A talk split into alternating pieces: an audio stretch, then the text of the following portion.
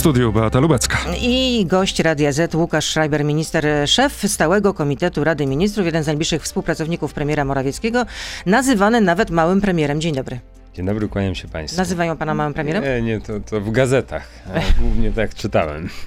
Ale dawno pana w mediach nie było, też pan niczego nie komentował na Twitterze między 3 a 20 września. Co to się stało? Nie, absolutnie. Znaczy cały czas e, coś, e, jakby normalną aktywność e, prowadziłem, co można zobaczyć po mediach społecznościowych. Wie pani, co No, ale między co to- 3 a 20 Nie, było nieprawda. milczenie, Nie, nieprawda. silence. Nie, nieprawda. Proszę spojrzeć na mojego Facebooka, tam no prawie pan żerował coś. Ro- Tam coś pan prawie żerował. codziennie A to miało związek- aktywność prowadziłem, także każdy może się o tym przekonać. A co do Twittera, to powiem pani szczerze, znaczy to tam obrzucanie się mm, w, na Twitterze wyzwiskami, e, to, to mi nie odpowiada od dłuższego czasu. No mnie też nie odpowiada. No i przyznam szczerze, że to jest, e, znaczy tam trudno prowadzić jakąkolwiek poważną e, dyskusję. Także, no ale to... no Ogromna to, polaryzacja. Zostawmy w spokoju Twittera. Pana żona nie schodziła ostatnio z czołówek niektórych gazet. Jak pan zareagował, kiedy pan się dowiedział z mediów, że pana żona wystąpi e, w popularnym programie w telewizji, której, za którą nie przepadacie? Wie pani co, e, to jest, e, to jest tak, że ja w, e, w tym życiu publicznym, w, mo, w mojej działalności, no, jedną z takich rzeczy, o którą walczę, jest e, kwestia wolności. Od wolności gospodarczej po wolności mm, każdego człowieka. No trudno, żebym w tej sprawie inaczej podchodził akurat e, w stosunku do, e, do mojej żony. No ale skoro żona panu o tym nie powiedziała przed, Mhm. że weźmie udział w tym programie, to może się obawiała, że pan się nie zgodzi generalnie, albo będzie pan protestował, będzie miał pan jakieś zastrzeżenia. Nie wiem, to już, to już trzeba jej zapytać, e, ale to wie pani, no jakby... No ale jak się pan dowiedział, no to co No pan ale- poczuł? No, ale to, pani redaktor, jakie to ma znaczenie, co ja tam Ale o to sobie, też pytają co ja słuchacze, są sobie ciekawi, jaka była pana no, reakcja. Dobrze, dobrze, no ale to wie pani, to jest myślę, że e, moja reakcja i to, co powiedziałem, e, to powiedziałem mojej żonie i myślę, że nie ma powodu, żebym e, nasze rozmowy e, tutaj w radiu w, tym momencie przywoływał i opowiadał o Ale ja nie chcę, żeby pan takiego, przywołał, takiego tak powiem, powodu. y, dokładną rozmowę z pana żoną, tylko to po prostu... doskonale. No, też były No. zdjęcia odważne w sieci, pana żona zamieszczyła. Co pan wtedy po prostu, jak pan zareagował? No, w taki sam sposób, e, w jaki przed chwilą e, udzieliłem odpowiedzi Czyli rozumiem, że pytanie. daje pan żonie pełną swobodę działania, może robić co się, co, i co uważa za stosowne, tak?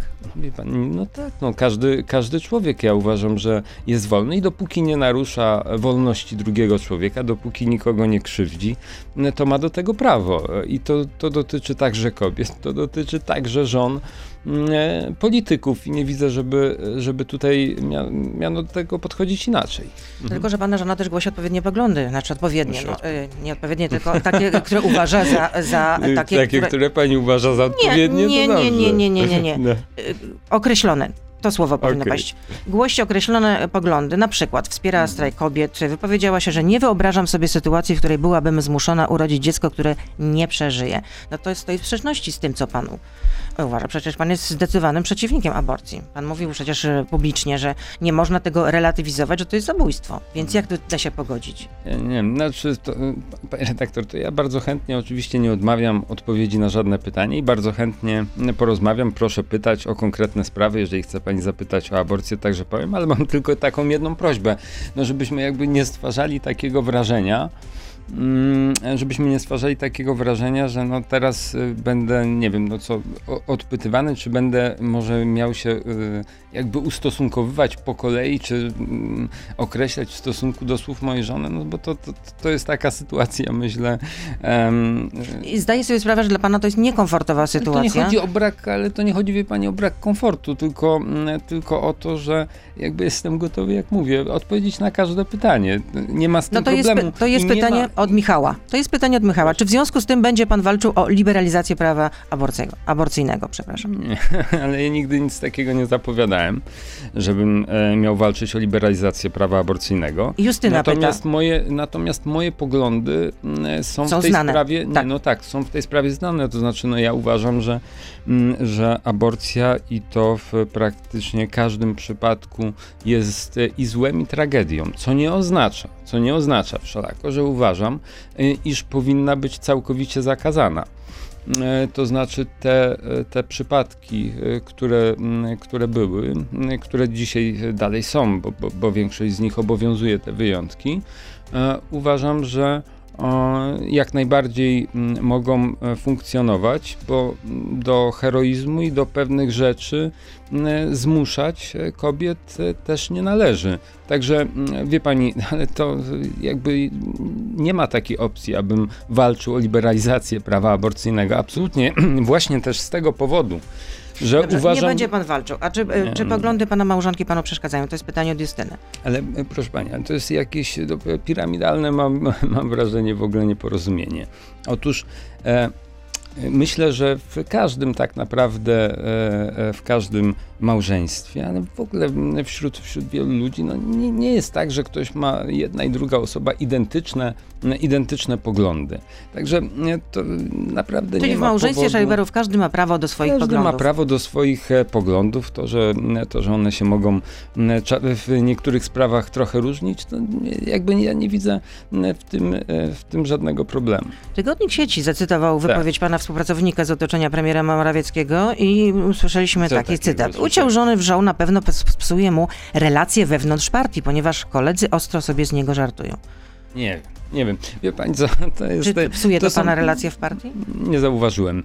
To, Czyli to, nikt nie to do pana są- pretensji generalnie? Nie, nie. E, Nie, raczej wie pani z taką, z taką dużą dozą e, sympatii mogłem się spotkać. Oczywiście co kto sobie mówi za plecami, to ja nie mam o tym zielonego pojęcia, natomiast te, te, te różne informacje w mediach anonimowo podawane przez kogoś, no, nie wiem czy są najbardziej w tym wy- wypadku wiarygodną, wiarygodnym źródłem informacji. No, tygodnik sieci, sądzę, że ma dobre kontakty jednak w Nie Prawie i wiem, nie wiem, trudno, trudno, e, trudno mi powiedzieć e, e, na podstawie, na podstawie czego mm, ktoś tak twierdzi, no ale mój Boże, no naprawdę jakby każdy, każdy wiadomo, że ma prawo sobie rozmawiać, o czym ma ochotę. Ja nie mam na to większego wpływu. No, Nie wiem, co miałbym w związku z tym e, według pani zrobić. Nie. Usłyszałam, e, zadałam te pytania, które chciałam Jasne. zadać, które też e, chcieli odpowiedzi usłyszeć na te pytania Ale- słuchacze. I, Ale, ale proszę, ale proszę... ale co jest jeszcze dużo spraw, o których chciałabym z panem porozmawiać. Ale proszę zobaczyć, pani redaktor, w jakim e, szczęśliwym kraju żyjemy, że, że pani redaktor zaprasza mnie i, i główna część naszej rozmowy dotyczy rozmowy z ministrem Ale rządu będą- dotyczy żony, no to, to, to mnie bardzo cieszy, bo to pokazuje, Nie, nie, jak nie, nie. dobrze jest Nie, w teraz Polsce pan próbuje jak, manipulować jak teraz pani opinią redaktor publiczną. Nie, nie, uważa, nie. że Próbuje pan w manipulować opinią publiczną. Będziemy rozmawiać Jak tematy. manipulować opinią Chociażby dlaczego to premier Morawiecki nie poleciał do Budapesztu na szczyt demografi- demograficzny, czy nie chce spotkać się z, ze swoim odpowiednikiem z Czech. To tyle w części radiowej. Oczywiście pan minister Łukasz Schreiber, szef Stałego Komitetu Rady Ministrów z nami zostaje i jesteśmy na Zostaje. Facebooku, na Radio ZPL. Beata Lubecka, zapraszam. Kłaniam się. I jesteśmy jakoś żywo, pan minister cały czas jest z nami. Dlaczego pan premier nie poleciał do Budapesztu właśnie na ten szczyt demograficzny? Myślę, że, e, że pan premier sam e, zabierze głos i jakby mm, wyjaśni e, powody takiej decyzji, no ale to, to, to Ale po co ten jest- bojkot? Żeby się nie spotkać właśnie z premierem Czech? Chodzi w tle konflikt y, o kopalnię Turów? No, my- myślę, że to jeden z takich powodów e, może być, no e, pani redaktor. Ale no, pan jest jednym z ta- najbliższych współpracowników pana premiera, to na pewno rozmawialiście o tym. Przyznam szczerze, że nie. Przyznam szczerze, że o tym nie rozmawiałem z premierem, bo ja się generalnie nie zajmuję sprawami e, zagranicznymi, czy, czy tymi związanymi z Unią Europejską też Tylko bardziej stopniu. legislacyjnymi, Tylko tak? bardziej o tym też legislacyjnymi, porozmawiamy. bardziej tym, co, co się dzieje. Wie pani, no, nie mam takiej relacji z premierem, bym mógł codziennie porozmawiać dwie godziny na każdy temat, e, który mnie nurtuje. A to jest na pewno najlepsza droga do rozwiązania konfliktu? Takie dolewanie oliwy do ognia? E, Dolewanie oliwy do ognia, trudno, trudno o tym powiedzieć. To Skoro pan premier zachowanie- nie jedzie do Budapesztu, bo nie chce się spotkać z premierem Czech, to miał być taki sygnał Wie pani co, no, e, bardzo jednoznaczny. Wie pani co, no, postępowanie, mm, postępowanie t- Czechów w tej sprawie, w moim przekonaniu, ja, jakby ja nie jestem dyplomatą, więc może mogę sobie na ciut więcej pozwolić, ale w moim przekonaniu przekroczyło zasady dobrego partnerstwa. E, To jest jednak rzecz bardzo niedobra, jeżeli z powodów e, politycznych, tam trwa kampania wyborcza, 8-9 października są wybory i to jest jakby, mm, to, e, o tym musimy pamiętać. Jeżeli I sądzi pan, że po wyborach sprawa się zmieni? Że y, Czesi złagodzą swoje stanowisko? Zobaczymy, co się stanie, natomiast e, sądzę, że mm, wywołanie tego tematu mm, miało oczywisty wpływ. Jest druga partia, która mm, opozycyjna wobec premiera i, i większości parlamentarnej, która ma jeszcze bardziej tutaj taki radykalny kurs. Mm, I to, I to na pewno ma wszystko znaczenie, tylko że jeżeli ktoś s- w taki sposób ym, stawia sprawy ze swoim partnerem, no to, to trudno, żeby nie doczekał się jakiejś reakcji ze strony władz Rzeczypospolitej i na pewno rząd e, będzie w tej sprawie reagował. A czy to prawda, że premier zrezygnuje tymczasowo z uczestnictwa w, w grupie wyszehradzkiej? Nic mi na ten temat nie wiadomo, żeby mm, taka mm, decyzja miała być podjęta, ale jeżeli mm, jakiekolwiek kroki y, miałyby zostać e, przedsięwzięte, to na pewno pan premier będzie o tym informował opinię publiczną.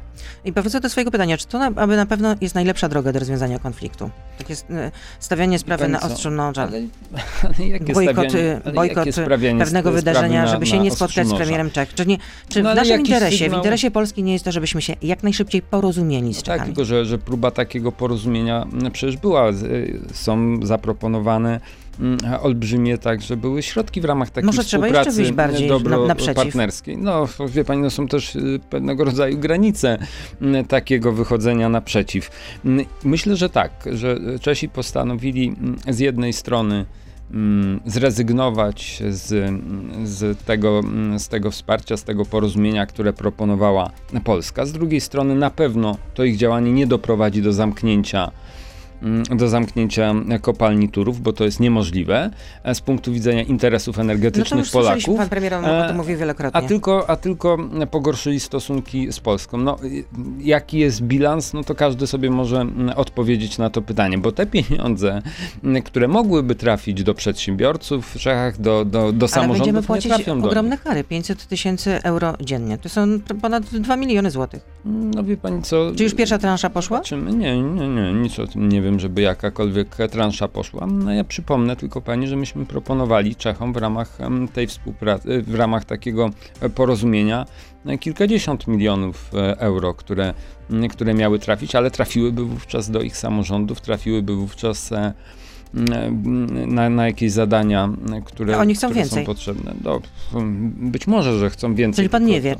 No, no, no, wie pani, no ja nie Czy nie uczestniczyłem w powiedzieć? negocjacjach, e, więc, więc nie uważam, żebym tutaj e, akurat powinien e, opowiadać o jakichś szczegółach m, e, z nich. Natomiast wie pani, ta sprawa ma jeszcze oczywiście drugie podn- podłoże, bo jedno to jest e, m, to jest to polsko-czeskie, a drugie to jest sam mm, samo postanowienie zabezpieczające, bo mamy do Ale czynienia gdybyśmy jednak... się dogadali z Czechami, wycofaliby Gdybyśmy skargę dogadali, ale jeżeli oni wyrok się, ale wie pani, było już ża- 12 tur negocjacyjnych, ale było 12 tur negocjacyjnych, były na stole m, zaproponowane no, olbrzymie środki, no jeżeli ktoś się zwleka i, i, i stara się do tego nie doprowadzić, no to wie pani, no trudno, trudno oskarżyć w każdym razie rząd e, o to, że nie starał się tego problemu polubownie rozwiązać, tylko wie pani, no, jesteśmy w Ale sytuacji, kiedy w o, tym o, pasie e, Jest porażka. Póki co jest porażka. co to znaczy porażka? W pasie na granicy polsko-czesko-niemieckiej mamy, mm, mamy znacznie więcej kopalni węgla brunatnego i elektrowni po stronie czeskiej i niemieckiej. Mamy sytuację, kiedy pani y, jedna... Samo mówił Mariusz Błaszczak. No, no ale no, ta, taki jest fakt, y, taki jest fakt ale zapewne, rozumiem, że no. to też taka wasza narracja, żeby Ale to pokazać. To nie chodzi o żadna narracja, no ale wie pani, no to, no to są jakieś ewidentne fakty, o których warto powiedzieć. A, a ja bym chciał zwrócić uwagę, no jeżeli mamy do czynienia, znaczy co by, co by, e, proszę sobie wyobrazić i odpowiedzieć na takie pytanie i wyobrazić taką sytuację. Gdyby w latach 2008-2011 był mm, sędzia, który wpłacałby pieniądze i to duże na Prawo i Sprawiedliwość, po czym dzisiaj byłby sędzią, i orzekłby jednoosobowo, że na przykład Platforma Obywatelska ma płacić jakieś kary za coś tam e, finansowe. To wie pani, jakie byłoby pandemonium e, tutaj? Ale przecież to nie Prawo i E, Sprawiedliwość będzie te kary płacić, tylko przepraszam, my. No właśnie, Podatnicy, no właśnie. Polacy, wszyscy. Przecież pani Prawo i Sprawiedliwość, tak. owszem, ma pieniądze, subwencje, ale to też de facto są pieniądze z budżetu. Dobrze, tylko ja staram się, ja staram się pokazać, z jaką sytuacją w istocie polityczną mamy do czynienia, bo jeżeli mm, pani sędzia jest e, osobą, no nie tylko, że jej ojciec e, współzakładał Alianza Popular, czyli partię taką wcześniejszą e, poprzedniczkę Partii Ludowej w, w Hiszpanii, która jest dzisiaj w jednej frakcji z Platformą. Jeżeli ona sama była donatorką przez kilka lat e, Partii Ludowej i nie mogłaby w Hiszpanii w Sądzie Najwyższym pracować, a może być w CUE i może wydać takie postanowienie zabezpieczające, to jest sprawa też bezprecedensowa, że w postanowieniu zabezpieczającym nakłada się kary na kraj, podczas gdy inne państwa, w tym Hiszpania, nie mają wykonanych e, wyroków, nie postanowień zabezpieczających, ale wyroków Trybunału Sprawiedliwości Unii Europejskiej i nie płacą ani złotówki. Czyli No. zarzuca pan, e, e, pani sędzi, że jest stronnicza. A jeśli chodzi o to, co się wczoraj wydarzyło w Krajowej Radzie biorę, Radiofonii, biorę po tu, y, znaczy zarzucam, wie pani, no stawiam, stawiam pytania do osądzenia stawia pan- także przez stawia pan naszych jednoznaczną słuchaczy. tezę. No, A y, jeśli chodzi o to, co się wczoraj wydarzyło w Krajowej Radzie Radiofonii i Telewizji, że przedłużyła w końcu po ponad y, 500 dniach rozpatrywania, 19 miesiącach rozpatrywania tego wniosku koncesyjnego od lutego ubiegłego roku, w końcu Krajowa Rada Radiofonii i Telewizji podjęła decyzję, przedłuża koncesję w Polsce na nadawanie y, mm, kanału informacyjnego TVN24. Czy to nie jest kompromitacja Krajowej Rady Radiofonii, że tak długo po prostu zwlekała z podjęciem decyzji? No ale komuś się z tego powodu jakaś krzywda stała? Kto, m, ta telewizja nie mogła choćby przez jeden dzień nadawać? No ale żyła cały czas po prostu jak pod wulkanem. No, 19 miesięcy pan by też chciał tyle czekać na rozpatrywanie takiego Pani co, wniosku, no zakładając, sądach- że, że byłby pan prezesem telewizji. Chciałby pan czeka, czekać Nie 19 wiem, czy miesięcy? chciałbym czekać 19 miesięcy. No podejrzewam, Ale nie bulwersowałoby to pana? że wolałbym e, krócej czekać. No, nie, wiem, no czy by raczej. mnie, nie wiem, czy by mnie bulwersowało. E, Natomiast wiem jedno, że jakby żadna krzywda się TVN-owi nie stała. Także naprawdę nie wiem, jakie stały powody za tym, żeby rozpatrywać tę sprawę tak długo. Nie jestem członkiem Krajowej Rady Radiofonii Ja i przypomnę Telewizji. tylko, że członkami Krajowej Rady Radiofonii i Hmm. Telewizji z tego rozdania są e, wszyscy nominaci y, y, Prawa i Sprawiedliwości. Nie ma ani jednej osoby, która Chyba- byłaby rekomendowana przez nie, no, opozycję. y, y, No nie. W Krajowej, w Krajowej Radzie, no zaraz e, możemy sobie spojrzeć do tego składu. E, No na czele natomiast, stoi e, Witold Kołodziejski, który kiedyś Dobrze. był radnym Prawa i Sprawiedliwości w Sejmiku. No i widzi pani, no i wydali... A Elżbieta wydali, Więcławska-Sauchy była senatorem rozumiem, Prawa i Sprawiedliwości w rozumiem, przeszłości. że... Tak, no, ale opatrzyli to specjalną jeszcze uchwałą, co do której Nie eksperci no. się dziwią, dziwią po Tak. prostu, że taka uchwała została podjęta, bo wynika z niej, zaraz o tym przypomnę, że mm, zawarto propozycję, jak mogłoby wyglądać nowe prawo. Mhm. No to już... Wie pani, naprawdę trudno mi jest e, komentować działalność ciała, na które nie mam żadnego I wpływu. udzielenie koncesji poprzedziło przejęcie, e, przy, przyjęcie uchwały, w której Rada de facto tłumaczy, że jej zdaniem zgoda nie powinna zostać udzielona ze względu na strukturę właścicielską, ale, cytuję, mając na względzie dotychczasową praktykę stosowania Mhm. prawa, wątpliwości interpretacyjne, należy najpierw wezwać stację do usunięcia naruszeń w tym zakresie. Czyli Amerykanie powinni odsprzedać po prostu swoje udziały. To, to już, y, panie redaktor, zobaczymy, jak się, jak się potoczy. No i jest jeszcze ta dodatkowo sprawa. wyznaczony Trybunał Konstytucyjny jako właściwy organ do rozstrzygania ewentualnych wątpliwości prawnych. No, no dobrze, Premier ale- ma ale w podjąć e, mamy- prace ale czym- legislacyjne. Z czym mamy w tym momencie problem? No naprawdę, e, Krajowa Rada Radiofonii i Telewizji działa niezależnie od, e, od polityków, no podejmuje jakieś Zupełnie decyzje. niezależnie. No, tak mi się wydaje, no przynajmniej nic mi na ten temat nie wiadomo, aby było inaczej. No, I, i myślę, pamiętamy że... jak to Marek Suski odwiedził 22 lipca Krajową Radę Radiofonii i Telewizji. Wie Obrady pani, przerwano, pan- rozma- miał rozmawiać e, z wiceprzewodniczącą właśnie. Nie, pani, Krajowej pamiętam, Rady z panią Elżbietą e, Więcławską jak, swego Nie ma czasu, żadnej notatki z tego spotkania. No ale to, to już znowu, to proszę naprawdę pytać Krajową Radę Ale pana to- Radiofonii i Telewizji. Ale pana to nie, nie dziwi? Nie wiem, jakie, jakie były ku temu powody i jakie przyczyny. N- Natomiast wiem jedno, że mm, jak e, słyszę dzisiaj, widzę, nie wiem, różnych sędziów na, na, w różnych wydarzeniach, e, w których biorą udział politycy opozycji, słyszę, że to nie ma żadnego problemu z tym. Także mam wrażenie, że, że, że obojętnie jaka, o jakiej sprawie mówimy, to... A co z tą ustawą Lex TVN? Odrzucone e, przez, przez Senat i co dalej? Trafisz do Zobaczymy. zamrażarki? Nie wiem, to jest decyzja pani marszałek, e, jaka będzie Ale pani marszałek jest decyzja. Prawa i pani marszałek e, i, i władz klubu parlamentarnego, to jest, to A jest gdyby miał pan coś poselska. rekomendować, to co by pan rekomendował? No w końcu odpowiada pan również za prace legislacyjne. Wie pani co, no, no, z, e, możliwości są tylko dwie, albo, albo próbujemy mm, No to próbujemy? odrzucić to, to Czy nie mamy weto. większości? Mm, Jeżeli mamy tą większość, no a jak nie mamy, to pewnie nie ma to specjalnie sensu. Ale jak pokazało głosowanie w, w Sejmie wówczas nad, e, nad e, tym prawem, i to nie jest żadne Lex TVN, tylko, mm, tylko e, szerzej obowiązująca e, ustawa. Nie, no tak, no bo ona, ona w ogóle zakłada Tak, mm, brak możliwości. No, wie pani, no, żadne, żadne sposób, inne medium, żadne inne medium nie ma e, ponad 49% kapitału No, spoza Unii Europejskiej. No, no, to prawda, ale no to nie znaczy, de facto ale to nie uderza znaczy. to głównie w TVN. No, ale, ale to jest prawo, które także działałoby na przyszłość, Dobrze. prawda? Ale to w takim razie, i ze- czy będzie powrót do pracy nad tą ustawą w Sejmie? Nie znam jeszcze w tej sprawie e, decyzji e, władz, e, władz klubu parlamentarnego. Tak jak mówię, no to jest projekt poselski. No, projekt poselski to nad nim się proceduje o wiele łatwiej i No, o wiele szybciej. A no, kiedy no, będzie. ale trudno, żeby to był projekt rządowy e, w tej sprawie. No, właściwie to, y, No to jest zdecydowana stricte- większość stricte- powinna być rządowa. Ale A- i zdecydowana większość, i, Mhm, i a- proszę zwrócić uwagę, że A ja, a czy, że zdecydowana większość e, ustaw jest rządowych. Ja pamiętam te zarzuty z początku poprzedniej kadencji, że jest du- za dużo projektów poselskich. Dzisiaj, jeżeli pani spojrzy na, mm, e, na, na e, a- akty legislacyjne, na projekty ustaw, no to przytłaczająca większość to są projekty rządowe, a poselskie są te, które są faktycznie poselskimi. no tak, jak trzeba coś po prostu bardzo szybko przeprowadzić, Nie, to będzie nie, nie, nie. Dobrze, a Są jeśli chodzi, a jeśli chodzi które o Izbę Dyscyplinarią Sądu Najwyższego, kiedy powstanie projekt? Kiedy go zobaczymy? Chodzi o likwidację Izby.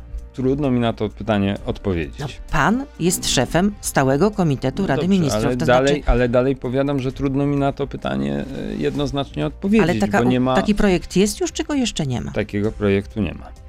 No to, to w takim razie jest pan w, sprzeczności z tym, co mówił premier tydzień temu w wywiadzie dla Dziennika Gazety Prawnej. Ja Ustawa, która ma odpowiedzieć na wątpliwości Brukseli, została przygotowana już 8-9 miesięcy temu.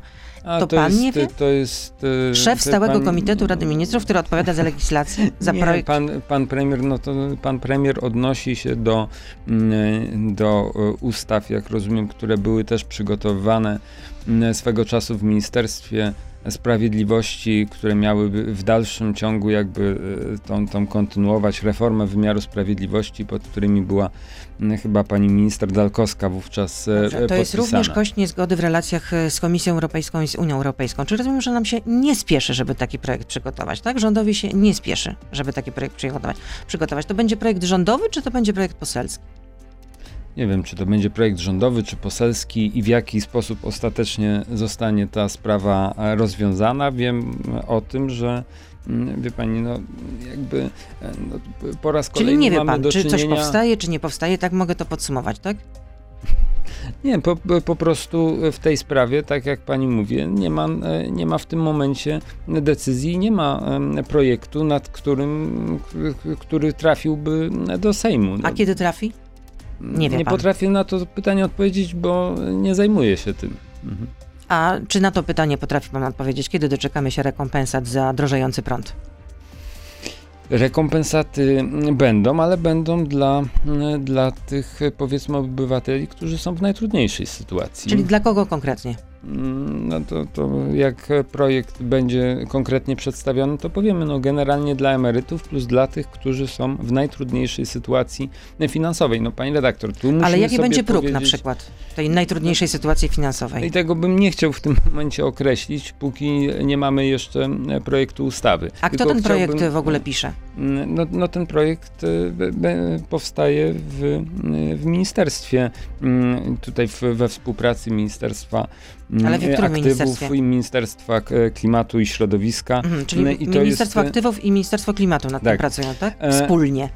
No, no wie pani, no ta, taka sprawa wiadomo, że musi być, e, być konsultowana, a także musi brać w tym udział minister finansów. E, I, I to są trzy na pewno kluczowe osoby, które, które będą decydowały o kształcie tego projektu. Ja tylko zwrócę państwu A uwagę te na jedno. rekompensaty będą w jakiej e, wysokości? Ale no, my poczekajmy chwilę, jak będzie ten projekt e, ustawy, to będziemy mówili o szczegółach. No, jakby proszę, proszę to zrozumieć. Natomiast zwrócę pani redaktor i wszystkim państwu uwagę, no, znaczy drożejące ceny prądu. Ale z czego one wynikają? Z czego one wynikają, pani Wie pan co, redaktor, że, e, że ceny pamiętam, prądu że, e, drożeją? W tym studiu No. też był e, wielokrotnie o to pytany e, minister Sasin. Mówił, że będzie lada moment taka ustawa. Ostatnia wypowiedź pana wicepremiera z maja, e, bodajże w Polskim Radiu, zapowiadał, że w czerwcu resort klimatu przedstawi projekt dotyczący rekompensat za podwyżki cen prądu. Mamy prawie końcówkę września. Drugą połowę września. Dobrze. E, Jakby trudno, przepraszam, brać e, jakby odpowiedzialność e, za, mm, za to, że, że nie ma tego projektu, ale jakby zwróćmy uwagę tak na to, że z jednej strony szereg osób się domaga, jak najszybciej skończmy z węglem, jak najszybciej przeprowadzajmy transformację energetyczną. Szereg, Dobrze. te same osoby, nie no ale pani Dobrze, redaktor, ale, to, powiedzmy to, sobie. Ale to wszystko same- wiemy, to, ale to nie, wszystko no, już nie było, wiem, było czy powiedziane. wiemy. No nie, no to E- o tym debata się toczy od dłuższego czasu, natomiast tutaj po prostu potrzebny jest konkret. Jakiej, Konkret, ale jak duża redaktor- będzie ta grupa tych osób? Bo więcej powiedział na przykład w Radiu Plus minister Kurtyka, że według No niego bo on- problem ten dotyka 6% od, odbiorców prądu, czyli niewielka grupa Mhm. y, y, odbiorców tak de facto będzie objęta tymi rekompensatami. I od kiedy te rekompensaty? Pani redaktor, e, tak jak mówię, jak będziemy mieli projekt, to ja będę mógł e, się szczegółowo wypowiadać na ten temat, a w tym momencie, e, kiedy jeszcze prace trwają w resorcie, no to przepraszam bardzo, no, I kiedy nie się skończą? chciałbym, nie chciałbym em, formułować na antenie Kiedy się radia. skończą? Myślę, że stosunkowo niedługo. Nie pytał pan kolegów? Słuchajcie, że może byście jednak przyspieszyli tempo prac.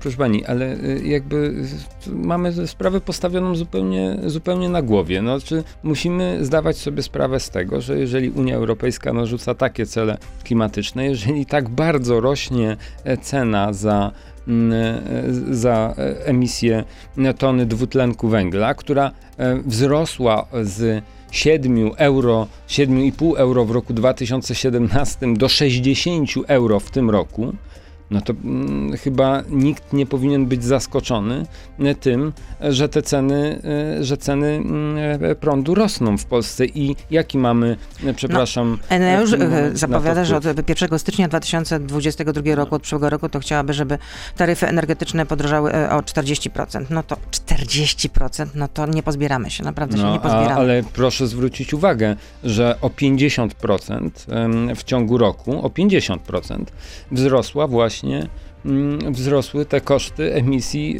y, dwutlenku węgla. To, co, to, co mm, Unia Europejska y, te, te standardy y, także na nas narzuca.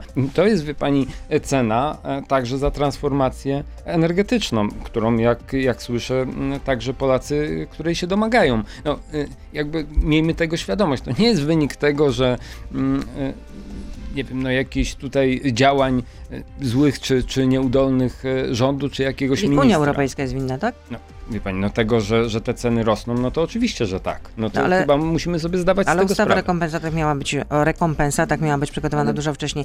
Ja Chciałabym zapytać o znaczy? jeszcze jedną rzecz. Czy przedstawiciele takiej organizacji jak Wysoki Komisarz Narodów Zjednoczonych do spraw uchodźców, czy też Międzynarodowa Organizacja do spraw migracji będą miały dostęp do e, granicy polsko-białoruskiej? Bo wystosowały takie oświadczenie, gdzie zażądały dostępu do osób, które tam koczują.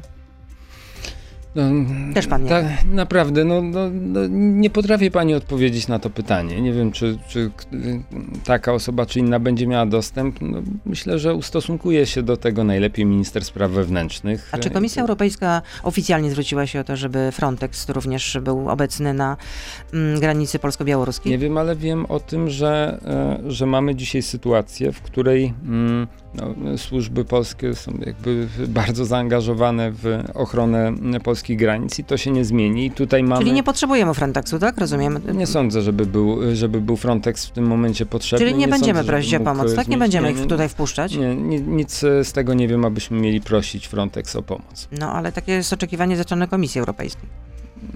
Myślę mm, i tutaj współpraca z, y, także i rozmowy z Komisją Europejską, rozmowy z innymi y, krajami nadbałtyckimi y, także w tej sprawie trwają i jakby mm, no, my jako rząd stoimy na jasnym stanowisku mm, w tej sprawie. Tylko przypomnę, co to jest ten Frontex, bo nie każdy musi wiedzieć, że to jest Europejska Agencja wiedzieć. Straży Granicznej i Przybrzeżnej. Więc y, dobrze byłoby wyjaśnić. Są pytania od y, słuchaczy. Daniel pyta, jak pan skomentuje rzekomą współpracę dziennikarza TVN z ministrem Dworczykiem?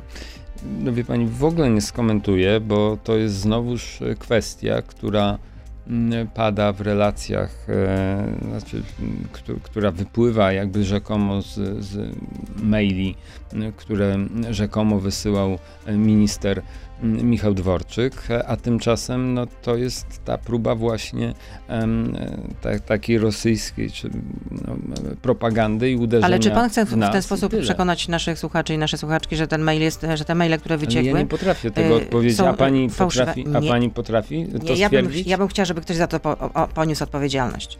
Ale to znaczy za co, żeby ktoś A czy pan minister? Dworczyk nie powinien zostać zdymisjonowany? Ale za co? No za to, że te maile wyciekają. No, No ale, no, ale No to, ja wiem, to że to- przepraszam, no, no ale wyciekają, bo, bo wysłał koledze, yy, No dobrze, dostęp czy- do tej ale czy skrzynki, czy, ale- ktoś mu się włamał czy- na pocztę. Czy ministrowie I- powinni ze sobą y, korespondować na tematy służbowe, Mhm. używając prywatnej skrzynki? No nie. No, no wie- pani, to, to ja rozumiem, że teraz e, panuje takie w tej sprawie e, straszne, święte e, oburzenie, ale no myślę, że no praktyka jakby takiej codziennej pracy też jest, też jest trochę inna niż, no nie wiem, no ktoś próbuje tutaj A pan też używa prywatnej wmawiać. skrzynki do korespondencji służbowej?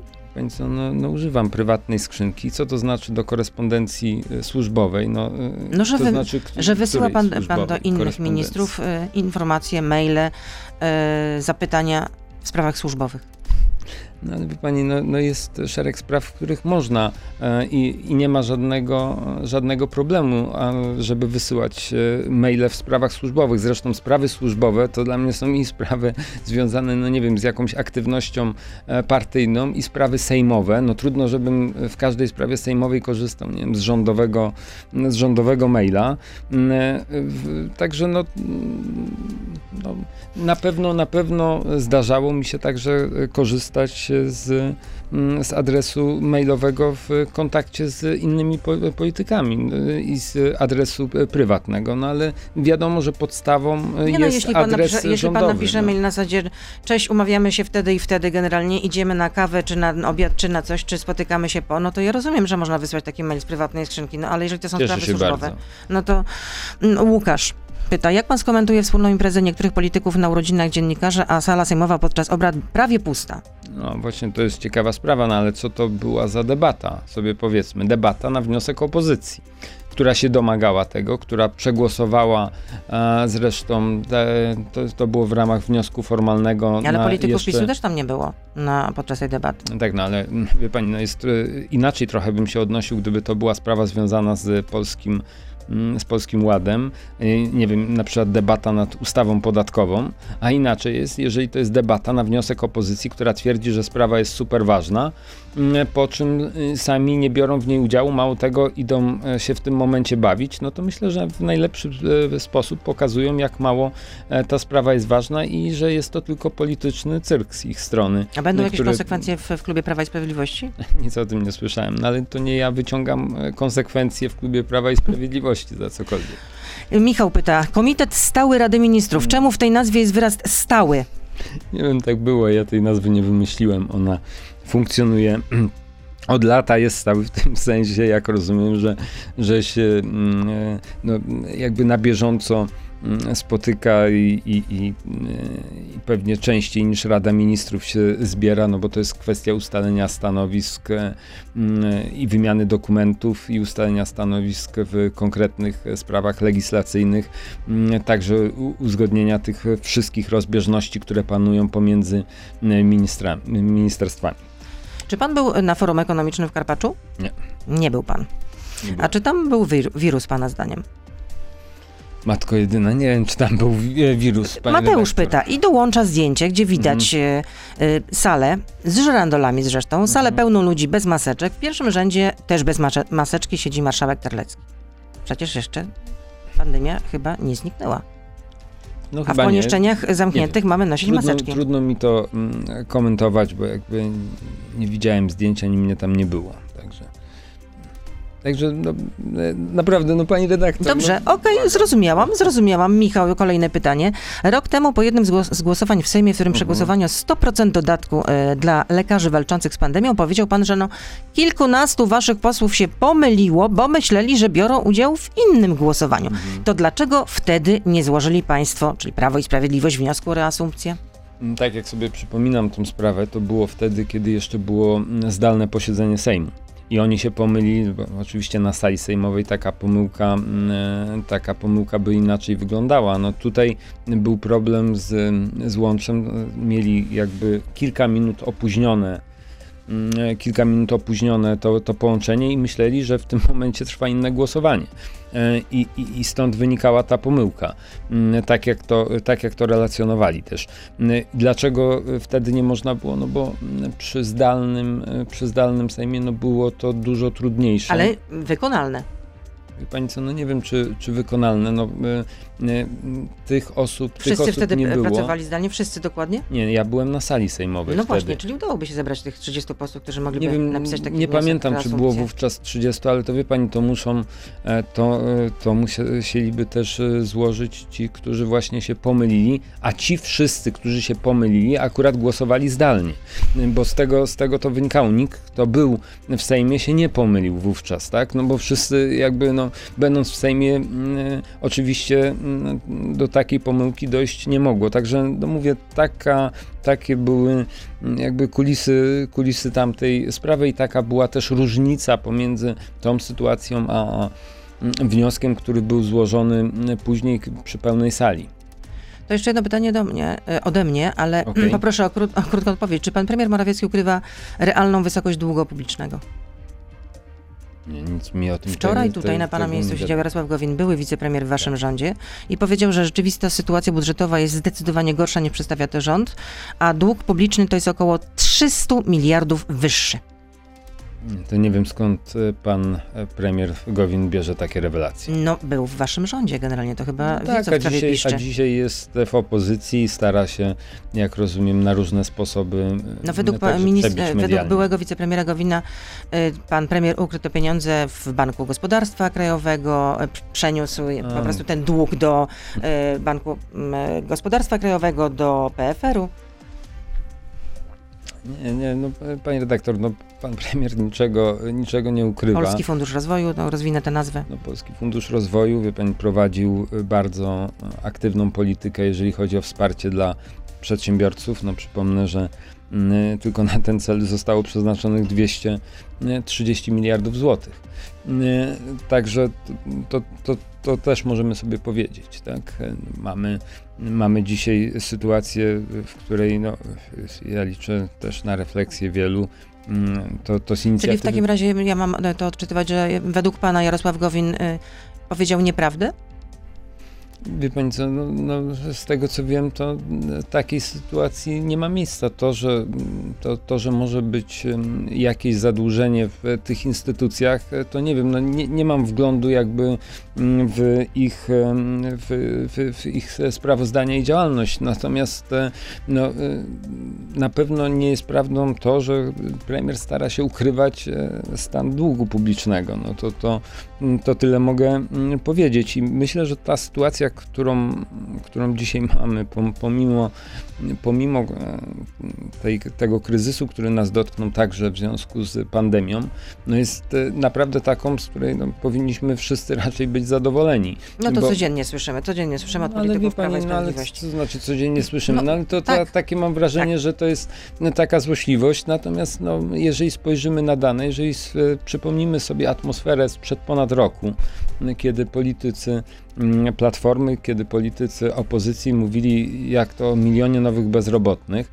a mm, dziś bezrobocie mamy na poziomie 5,8%. I dobrze, bardzo dobrze, No bardzo to, dobrze. to pokazuje, że, to, że te recepty, które też zaproponował premier Mateusz Morawiecki, mm, no raczej się sprawdziły, tak? Ale tego oczywiście dzisiaj e, nikt nie powie. I tutaj i- musimy kończyć. Okej, Musimy kończyć. dobrze. Łukasz Schreiber, szef Stałego Komitetu Rady Ministrów. Dlaczego on jest stały, nie wiadomo.